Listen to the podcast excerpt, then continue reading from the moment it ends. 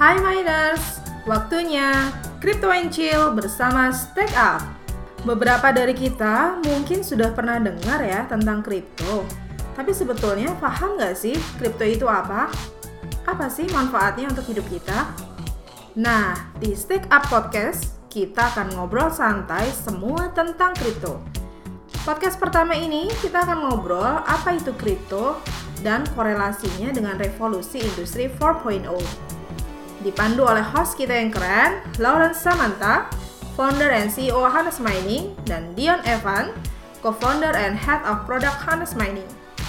Langsung aja, ini dia Lawrence dan Dion. Hello, miners! Welcome to the first episode of Stake Talk. Sedikit nervous sih, but here we are. Kita mau ngobrol santai mengenai hal-hal yang berkaitan dengan cryptocurrency. Yoi, ini cryptocurrency ini penting banget buat kita tahu nih. Soalnya banyak banget orang misleading information gitu. Orang mungkin ke cryptocurrency ini cuma buat cari untung tapi nggak tahu jelas ini sebenarnya untuk apa sih? Oke, ya benar. Jadi uh, karena kita tahu nih banyak informasi-informasi yang nggak benar nih di luar sana, kita mau bikin podcast ini. Tujuannya sih buat nggak cuma buat miners ya, tapi buat semua orang yang tertarik sama cryptocurrency, pernah denger atau jangan-jangan pernah kena tipu. Nah, di sini kita mau lurusin nih di acara Stake Talk ini. Jadi selain kita bakal sharing knowledge, kita juga mau sharing nih. uh, kita mungkin nanti bakalan undang uh, guest-guest orang bintang Tamu-tamu lah ya, ya teman-teman teman-teman kita. teman-teman kita di dunia kripto yang of course reputable supaya bisa ngomong bareng-bareng tentang apa sih cryptocurrency itu pengalaman mereka. Bener, supaya miners-miners tahu juga lah ini apa sih cryptocurrency nggak cuma taunya tuh Bitcoin, oh taunya Bitcoin ini kan karena orang denger kalau orang nggak pernah tahu nih taunya cuma scam gitu kan ya. Ya. Nah, Lau nih, lu sendiri tuh udah berapa lama sih sebenarnya tahu Bitcoin nih? Oke, well kalau gue sih udah rada lama sih dari tahun 2010-an lah gitu. Waktu itu pertama kali kenal dari Bitcoin ya. Waktu itu cuma ada Bitcoin sih gitu, belum ada teman-temannya yang Ethereum dan all those altcoins semuanya tuh belum ada semua tuh tahun 2010 gitu. Oke, tahun 2010 tuh lama juga lah. Lu tahu dari mana? Pertama kali bener-bener tahu nih, denger dari siapa gitu Bitcoin? Uh, kalau background gue kan sebenarnya programmer ya dulu tuh. Jadi gue emang demen banget tuh kalau ngikutin-ngikutin apa yang baru-baru di teknologi gitu. Nah salah satu forum yang waktu itu uh, gue ikutin itu misalnya Hacker News gitu.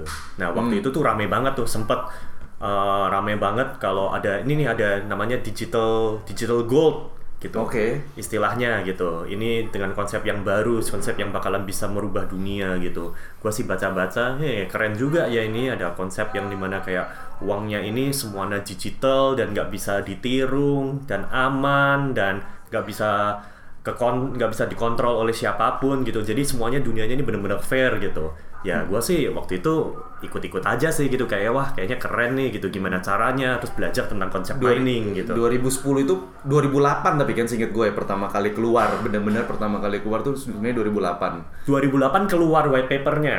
Oke. White papernya keluar 2008, 2009 Bitcoinnya implementasinya itu pertama kali keluar.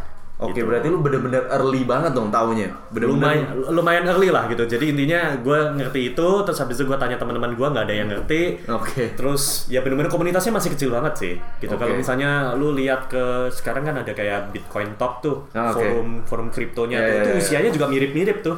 Sekitar tahun Hmm. segituan baru mulai. Oke, oke. Gue tahun 2010 sih kayaknya masih baru masuk eh baru lulus kuliah tuh baru lulus kuliah gue juga nggak tahu sama sekali sih kalau soal bitcoin gue bener-bener nggak ngerti nggak tahu apa. Pertama kali gue tahu tuh pas tahun 2016 2016 itu gue denger cuman baca-baca karena kan gue suka baca eh, digital apa teknologi news lah baca-baca tapi gue nggak anggap serius. Karena gue nggak nggak bener-bener ya mempelajari lah dan gue memang bukan backgroundnya programmer juga kan. Jadi waktu itu gue juga cuman baca-baca oh ya udah skip gitu.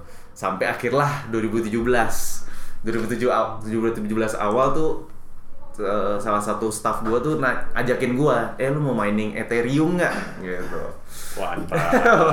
mining Ethereum nggak? Gitu. Waktu itu. Cuma gua nggak nggak nggak gubris juga karena gua nggak apa sih ini? Nggak nggak nggak gitu inilah. Sampai bener-bener akhirnya 2017 eh, September.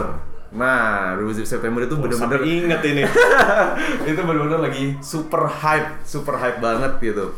Kalau di kantor tuh kayaknya literally semua orang ngomong ini cuma ini ya. Tapi again bener seperti yang tadi gue ngomong dari awal, kita semua tuh ngejar sini tanpa mengerti apa-apa, cuman mengejar keuntungan. Itu yang gue rasa memang waktu itu sebenarnya salah banget sih. Yang which is yang menyampa, yang menurut gue, in my opinion tuh mengakibatkan jadinya malah banyak orang bikin mikir jadinya Bitcoin scam. I see. Well, lu mulainya tahun 2016 2017 itu bisa dibilang oke lah gitu. Nggak terlalu nggak terlalu lama juga itu eh kok nggak terlalu lama, nggak terlalu baru juga gitu. Soalnya gue tahu banyak orang yang baru join tuh baru bener-bener 2017 akhir 2018 awal gitu. Dan itu mungkin banyak yang kan waktu itu lagi tinggi tingginya tuh gitu. And they don't know what to do gitu. Pokoknya beli aja terus wah kayaknya naik terus. Terus they Exactly. don't know what to do. Exactly, exactly. and then wreck habis itu Iya, kan sampai crash. crash kan semuanya gitu terus habis itu ah ini semua scam gitu dan kembali Iya, lagi iya. juga itu juga karena nggak tahu juga kan Betul, betul, betul, betul, gitu betul.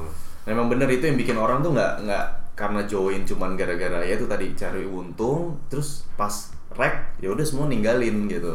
Nah untungnya gue kan karena memang di dunia teknologi itu gue jadi cari-cari cukup cukup mencari tahu tahu juga gitu. Setelah rek tuh baru kayak setelah join tuh kayak oh kayak gini ya cryptocurrency kayak gini gini gini gitu ya. Nah tapi sebelum gua ngomong lebih jauh nih, menurut lu sendiri nih, apa sih sebenarnya cryptocurrency ini?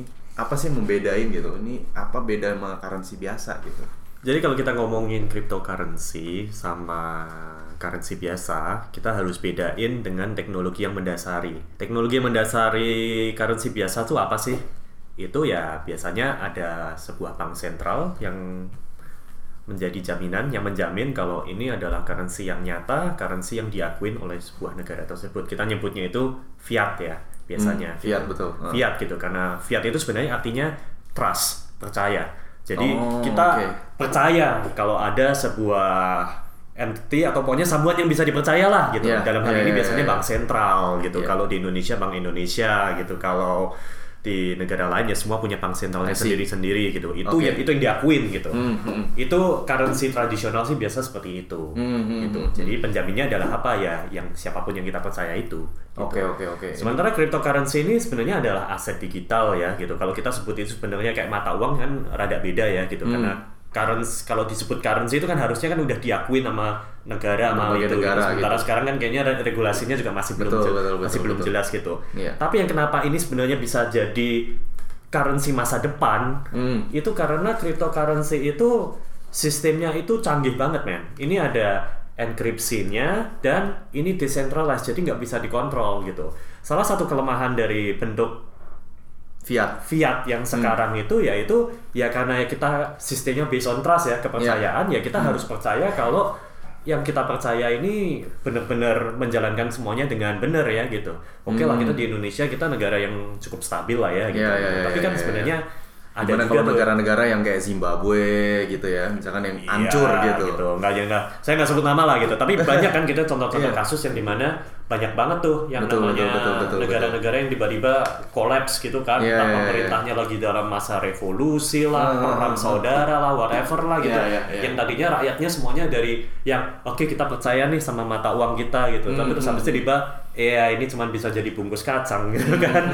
Nggak ada yang nggak ada. Soalnya ya penjaminnya hilang gitu. Bener bener bener. Gitu. Kayak yang terakhir-terakhir baru-baru ini kan yang eh, di berita tuh or, ada di foto kalau lu tahu yang dia lempar-lempar duit fiatnya karena udah udah nggak ada guna gitu, udah nggak ada guna di negara itu udah saking uh, hyperinflation inflation Iya, gitu. iya, iya. Dia sampai buang di jalan nggak ada yang mau ambil gitu. Iya, gue juga lihat tuh yang ada apa namanya ada orang bawa duit, duitnya Iya. tuh pakai troli gitu. Iya, dia iya, dia bawa duitnya pakai troli gitu. Tapi dia lebih takut trolinya dibawa daripada daripada duitnya yang diambil Iya, bener, gitu. bener, bener, bener. Gitu.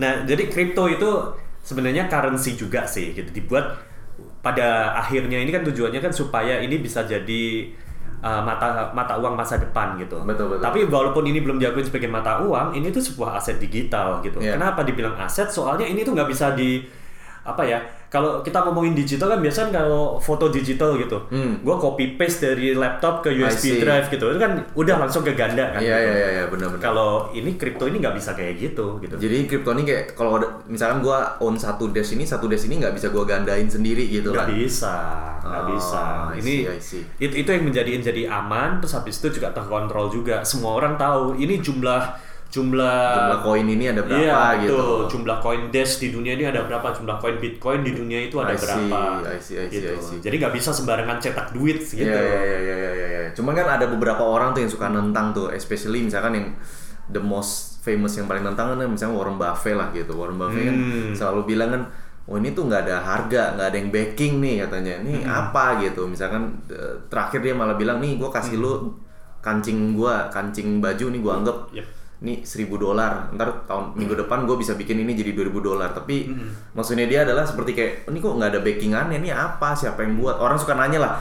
Orang kan selalu nanya ini siapa yang buat gitu. Kalau hilang gimana? Itu kan Iya. pemikiran orang-orang biasanya, especially yang nggak ngerti lah gitu. Iya. Backingannya itu sebenarnya bukannya nggak ada, ada, tapi backingannya itu ya algoritmanya itu sendiri, itu yang menjamin gitu. Di mana kalau di sistem cryptocurrency yang ada sekarang, misalnya kayak Bitcoin, Ethereum, Dash, or whatever, Hmm, itu semuanya semuanya open man gitu. Jadi Kita kita, bisa lihat semua punya Kita bisa lihat sendiri gitu. Of course ini codingan ya, tapi kita Hmm. bisa verify ini maksudnya nih seperti apa gitu. Compare Hmm. ke kayak misalnya kembali ke contoh tadi gitu. Kalau Hmm, fiat gitu. Of course fiat ini ada yang nge-regulate, tapi sebenarnya base-nya on trust gitu. Kita Hmm. tahu dari mana kalau mereka ini uh, bener-bener apa di backing eh, emas gitu, ya, let's say. misalnya ada backingannya apa enggak Iya, Tapi iya. nggak ada sih gitu. Iya, Misalnya iya. yang yang apa mata uang modern zaman sekarang ini kebanyakan udah nggak ada backingan dengan emasnya gitu Oh, I see. Jadi, sekarang mata fiat pun juga belum tentu ada backingannya sekarang ya. nggak one to one gitu karena Oh, one karena one. backingannya itu sebenarnya lebih ke arah Negara- negara negaranya financial sistemnya ekonominya see, itu sendiri gitu jadi udah bukan yang kayak oh ini apa ini satu dolar sama dengan satu gram emas lah gitu Hmm, hmm, hmm, hmm, yang misalnya kayak gitu gitu Ya dulu kan begitu ada- kan, dulu begitu kan. Dulu Maksudnya ada gitu. aturannya berapa berapa jumlah emas equal berapa currency dia Iya. fiat currency mereka gitu. Ya, kira-kira gitulah gitu. Iya, gue juga iya. bukan ahlinya sih kalau Iya, soal iya, itu iya, gitu iya. tapi emang ya ntar silahkan cek fact check sendiri ya di Wikipedia iya, iya. gitu tapi emang emang seperti itu gitu mata uang fiat itu bukan yang di backing dengan misalnya kayak gold gitu Hmm, hmm, hmm, hmm, hmm, hmm. Jadi dengan yang tadi teknologi yang tadi kita eh, lu ngomong juga lo, gue juga baca-baca orang semua bilang blockchain ini sebenarnya apa namanya revolusi industri 4.0 lah bisa dibilang gitulah 4.0 yang terbaru gitu yang kita bakal eh, Yep. yang kalau kita lihat di dunia kalau especially kalau kita nonton film kayak misalkan Alita gitu kan udah udah kayak kesannya udah di zaman future tuh udah nggak ada koin eh nggak ada kertas. Uang kertas semuanya udah pakai digital gitu. Transfer transfer pakai HP nggak pakai handphone udah Iya. cuman angka-angka gitu bener-bener udah nggak ada yang pakai kayak gini gitu. It's good that you bring that up gitu. Soalnya uh, kalau kita lihat yang contoh-contoh tadi ya gitu Hmm. Alita gitu make payment gitu-gitu kan segala kan semuanya wah gila udah digital gitu Iya. Uh, di situ kita tahu kalau konsep digital money ini udah udah pasti masa masa depan kita tuh udah pasti digital money lah. Iya, gitu. pasti. Agree, Gitu. agree. Nah tapi digital money-nya ini based on blockchain apa enggak gitu? Hmm. Itu yang ngebedain. Soalnya kalau kita ngomong cuma tentang digital money, ini konsep yang udah ada, ada dari dulu sih sebelum 2008 sebelum ada Bitcoin tuh digital money itu juga semua juga ada gitu. Iya, iya. Contohnya di game, ya kan? oh iya Gitu. betul oke betul itu digital money lah sebenarnya Itu digital money gitu. Iya. Sebelum ada Bitcoin kita udah punya apa Farmville rasanya ya. Iya, apa iya, sih iya, dulu iya, yang game-game kayak gitu Jadi kita gitu, beli beli pakai fiat duit di game itu. Iya betul Iya, gitu iya, iya. gitu. Yang bedain digital money-nya ini sama kripto ini, Iya, heeh. digital money yang based on blockchain ya, Iya, itu iya. ya itu ya soal transparansinya, soal Hmm. ini bisa digandakan apa enggak gitu. Hmm, hmm, hmm. Ya kita nggak tahu kan Farmville dia issue berapa juta koin gitu betul, kan betul, yang betul betul betul yang dia bisa keep issuing aja gitu. benar benar dan dia bisa gandain segampang gitu aja lah intinya bisa gandain aja gitu asal betul, aja betul. Nah, kalau ini enggak, ini di sini sifatnya open. Iya iya iya. Gue sendiri sih percaya memang ini bakal menjadi masa Hmm. depan lah karena gue kalau baca misalkan revolusi of money gitu zaman dulu belum ada duit belum even ada fiat orang barter gitu kan Hmm. mereka juga bingung gimana caranya ini pokoknya caranya barter gitu setelah Hmm. barter tapi kan nggak convenient ya mungkin zaman itu orang berpikir ya nggak lama-lama nggak convenient mencipt terciptalah akhirnya eh, dan nggak convenient dan nggak apa sih namanya nggak standardized bisa aja Ya, betul. gua nganggep satu ini equal satu ini tapi menurut lu enggak gitu Mhm. jadinya nggak standardized akhirnya kalau gue baca-baca akhirnya berubah kan. Jadi oke sekarang pakai emas atau silver atau copper gitu kan. Mhm. nah yang di mana akhirnya jadi lebih lebih ada standardized standardized-nya gitu lah. Mhm. orang lebih ngerti oh ini pakai emas. Dan emas bisa ibaratnya kayak currency sekarang. Emas ini semua orang accept gitu. Semua orang mau pakai emas tuh tukerannya Betul. Ya ini inevitable lah gitu. Kalau kita ngomong tentang industri 4.0 gitu kan, industri 4.0 katanya bakalan salah satu pilarnya itu blockchain gitu. Padahal blockchain itu teknologi yang mendasari cryptocurrency gitu. Kita masih dalam masa-masa di mana ini bakalan ada nggak tahu lah shape-nya ini bakalan berubah gitu. Di mana ya gue juga nggak tahu sih ini bakalan mungkin tiga tahun dari sekarang bentuknya juga bakalan bakalan beda lagi. Nah, gue baca-baca juga tuh eh, nggak cuman dunia fintech yang terrevolusi lah gara-gara ini gitu. Gue lihat kayak perusahaan such Facebook gitu tuh udah mulai pengen coba bikin koin sendiri juga gitu. Itu menurut gue tuh kayak acceptance-nya cryptocurrency ini makin meluas dan dunia apa industri-industri teknologi dan teknologi yang maksudnya yang udah terkenal terkenal lah di Silicon Valley itu udah mulai eh kayaknya ini nggak bukan nggak bisa dipandang sebelah mata lagi nih cryptocurrency nih. Mhm.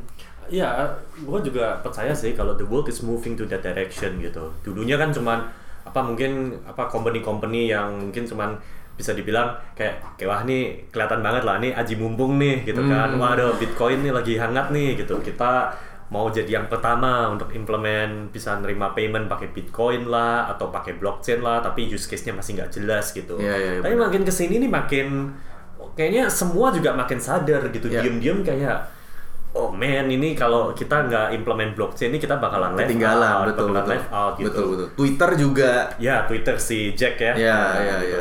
Si Jack Dorsey dia juga ya he's very big in crypto juga kan. ya, ya he's very, he's believe in Bitcoin banget lah Iya. akhir dia nabung Bitcoin tiap minggu ya kalau nggak salah nabung Bitcoin sepuluh ribu dolar gitu kalau nggak salah buat dia Wow, oke. nah Ya. cuman cuman ini tuh cryptocurrency ini juga menjadi ajang buat yang tadi gua mention dari awal juga scam gitu. Cryptocurrency ini banyak karena ya boleh dibilang mudah lah untuk membuat cryptocurrency gitu. Jadi kita tahu tahun 2017 2018 itu year of ICO gitu. Itu go especially 2017 lah the golden age of ICO gitu. Orang-orang pada asal bi- bikin aja oh gue bikin ini gue bikin gue bikin token A token B token C koin A koin B gitu. Nah menurut lu what's your opinion on that gitu Eh, ini pendapat pribadi ya. Iya. Pendapat pribadi gua memang yang namanya dunia gelap itu selalu yang paling pertama untuk implement apa pun yang paling canggih. Hmm. It- kripto lah, senjata lah, drugs lah, apalah gitu-gitu. Dunia gelap itu sebenarnya yang paling cepat untuk nyaplok tuh kesempatan-kesempatan kayak Iya, gitu. iya, gitu. benar, itu itu sejarah membuktikan berkali-kali gitu. Mhm. Jadi waktu 2017 ada uh, mulai ngetren nih, mulai ada berita kalau Ether dengan Ethereum yang bisa bikin smart contract, bisa Iya. bikin token sendiri Mhm. and very very easy. Mhm. Wah, muncullah itu dan ya muncul nggak cuman yang legit. I'm not saying kalau semuanya ini gelap ya gitu. Iya, nggak- iya, nggak, iya, tapi iya. nggak cuman yang legit, tapi juga banyak juga yang yang scam Hmm. gitu, yang ini soalnya yang legit aja banyak yang gagal. Iya, gitu iya, kan, iya, gitu. Kalau legit tapi gagal itu namanya bukan scam sih buat gue. Iya, iya, itu iya, cuman iya. ya ya namanya itu it's, it's startup lah, it's Benar, a business gitu. benar. Ada yang ga- ada yang sukses, ada yang gagal gitu. Benar, benar. Tapi ada juga yang emang dari awal abis ngumpulin duit, puff websitenya gone, orangnya ternyata palsu semua, nobody Benar, know. benar, benar, benar. Terus ya I don't know lah, mungkin mereka udah di island somewhere gitu. Tapi uh, it it's it's happening. Gitu. Iya iya iya. Es- ya especially di sana ibaratnya lagi kalau kita zamannya emas tuh lagi gold rush lah. Gold rush banget. Gold rush. Jadi semua orang asal masuk aja gitu karena Mm-hmm. memang benar pada saat itu karena pada saat gold eh, gold rush itu ya Mm-hmm. apa pun yang lu invest kemungkinan most likely naik. nggak ada yang turun gitu. Most likely naik. Tahu-taunya ternyata scam. Taunya ternyata tiba-tiba Mm-hmm. Eh, bu- apa namanya crash gitu. Especially yang yang menjanjikan return itu Iya. gua lumayan banyak temen-temen tuh yang ikut tuh ya itu yang bikin salah satu banyak orang juga kayak udahlah gua udah nggak mau invest bitcoin gitu padahal sebenarnya yang mereka invest bukan bitcoin gitu Iya. yang mereka invest something else Oh, gue tahu tuh. Iya. Iya kan yang namanya mirip Bitcoin tapi bukan nah Bitcoin benar itu kan. benar Iya, benar iya, benar iya, benar everybody. Mhm. assume it's Bitcoin gitu ya. Oh, gue bisa dapat segini, gue bisa gue inget banget orang tuh bilang gue 100% per bulan wah itu Iya, kayak iya. it seems kayak too good to be true gitu. Iya. Dan buat gua itu itu hal-hal yang unfortunate gitu, Hmm. yang seharusnya jangan terjadi. Tapi in a, tapi ya kalau kita cari silver liningnya lah ya ini Iya, ya, kita trying to be positive gitu. Ini semua yang ini semua tetap berarti validasi sih. Validasi Hmm. kalau ini sebenarnya sebuah konsep yang it works gitu. Betul. Cuman sayangnya yang Digunainnya untuk ke hal yang jelek lah. digunain untuk hal yang jelek gitu. Iya, iya, iya, iya, teknologi kan ya buat gue namanya teknologi itu seharusnya di tengah-tengah ya gitu. Betul. Itu itu itu bukan inherently evil atau inherently apa good gitu, tapi ya tergantung siapa yang mau make gitu. Hmm, hmm, hmm, gitu. hmm, Nah, sayangnya di masa-masa itu banyak banget gitu. Hmm, hmm, dan ya nggak tahu lah mungkin di masyarakat kita nih Indonesia juga yang somehow yang sukses ini. Yang demen ya mungkin Iya. kita mungkin orang-orang Indonesia juga demennya yang begitu begitulah intinya yang menjanjikan return yang wah banget gitu loh. Memang ya Hmm. Indo- terkenal lah udah banyak lah. Mungkin nggak cuman nggak cuman di cryptocurrency dan di tempat-tempat lain juga Hmm. banyak hal seperti itu gitu. Nah cuman kalau lau lu sendiri dari tahun 2011 2010 sampai Hmm. sekarang lu pakai ada nggak pakai bitcoin ini untuk bayar untuk transfer untuk Hmm. apa gitu Kalau untuk transfer pasti lah ya gitu. Hmm. Untuk, untuk transfer gitu itu tetap apa namanya pada masanya itu memang paling cepat gitu. Hmm. Ke paling cepat paling nggak ribet gitu ya. Even kalau zaman sekarang di compare sama apalagi kalau internasional ya kita ngomongin tentang transfer transferan Hmm. aset internasional itu ya Bitcoin nggak ada ribetnya sama sekali sih. Betul. Cepat gitu. Gitu. Eh, dan kalau transfer fee-nya much less lah much much less lah much much less pada waktu itu. Kalau sekarang karena Bitcoinnya juga harganya udah tinggi dan Hmm. kadang networknya juga lagi rame, emang sih gitu. Kalau kita compare gitu, ya ini mah nggak ada bedanya sama misalnya kayak kita transfer pakai yang solusi-solusi komersial non blockchain lah, ya ya ya, ya. kayak gitu gitu. Tapi kan sekarang juga nggak cuma ada Bitcoin kan? betul Stellar apa XLM lah kita ngomong Ya. XLM tuh one of the fastest lah yang gue pernah coba gitu kalau ngirim tuh I think it's Iya. In minutes lah in minutes sudah Iya. pasti nyampe dan quite cheap gitu dibanding kalau misalkan kita sampai sekarang aja karena gue pernah kirim misalkan let's say ke Singapura pun gue tahu biayanya itu adalah 40 dolar sampai sana pun 40 dolar itu gue pikir dapat bersih misalkan let's say gue kirim 1000 uh, Ya, kena, kena fee lagi ya. kena fee lagi pas nyampe sono kena fee lagi yang di mana jadi gue ngerasa kayak oke fee-nya ini terlalu banyak gitu mungkin karena mediatorinya banyak misalkan gue lewat Hmm. Hmm. bank Indonesia bank Indonesia lewat clearing lagi clearing lagi ntar bank pindah ke Singapura clearing lagi terus ba- bank BCA ya eh, bank Iya. bank sana lagi lah mungkin kira-kira seperti itulah kayak di pikiran gue makanya kayak gue realize bahwa ini memang eh, bisa ngubah banget orang Hmm. transfer transfer duit. Menurut gue benefit yang paling nomor satu di situ lah. Hmm. Bisa transfer transfer duit tanpa harus eh, ngelewatin bank yang ribet gitu. Mhm.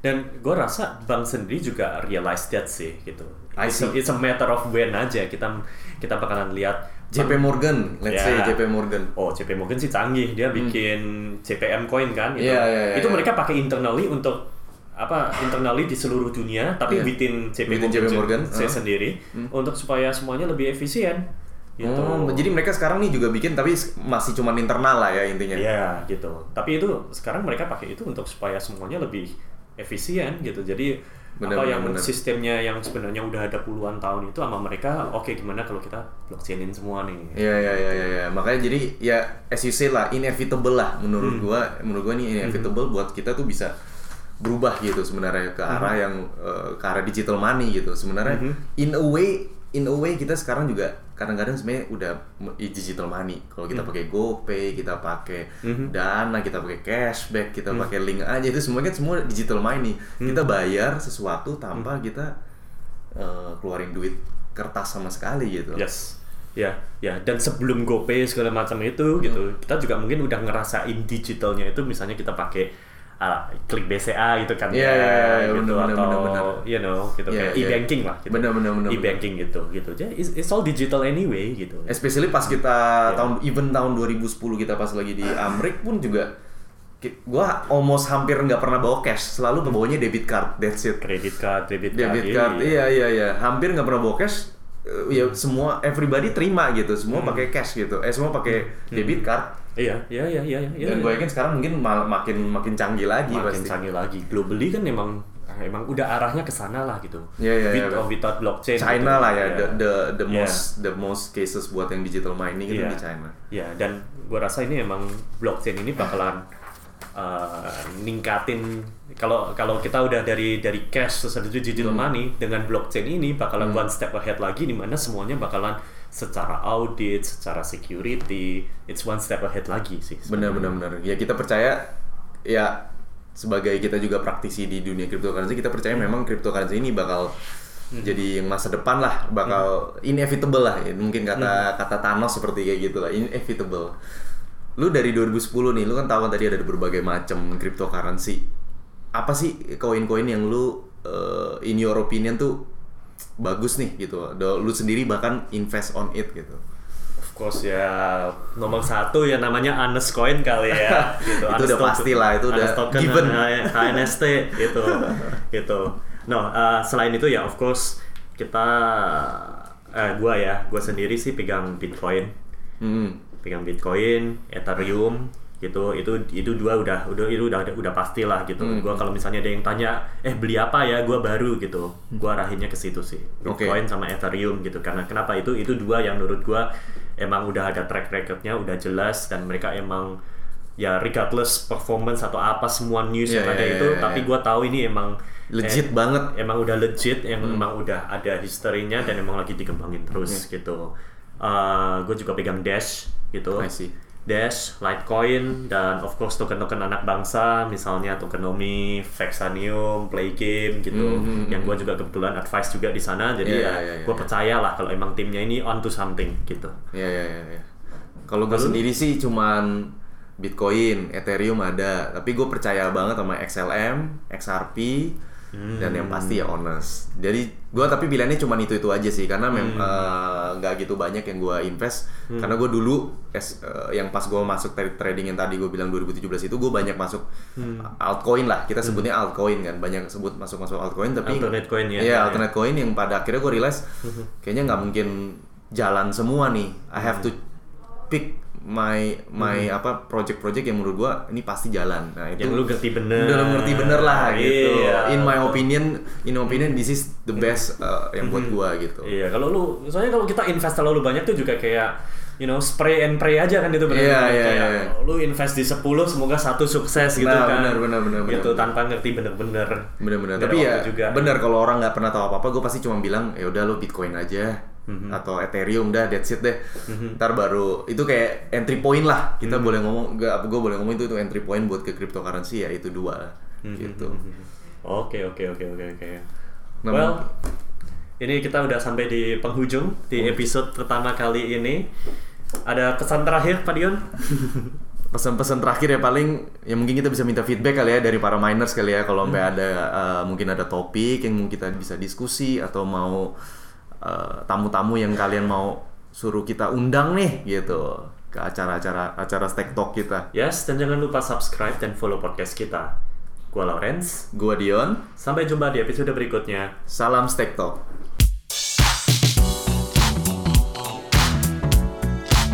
Semoga pembahasan tentang kripto tadi bermanfaat dan pastikan untuk subscribe Stack Up Podcast. Kalau kamu ada masukan topik apa yang pengen kita bahas di episode selanjutnya, bisa kirim pesan ke kita melalui Instagram, Facebook, atau Twitter at honestmining. Dan jangan lupa untuk follow, like, and share. See you on our next episode.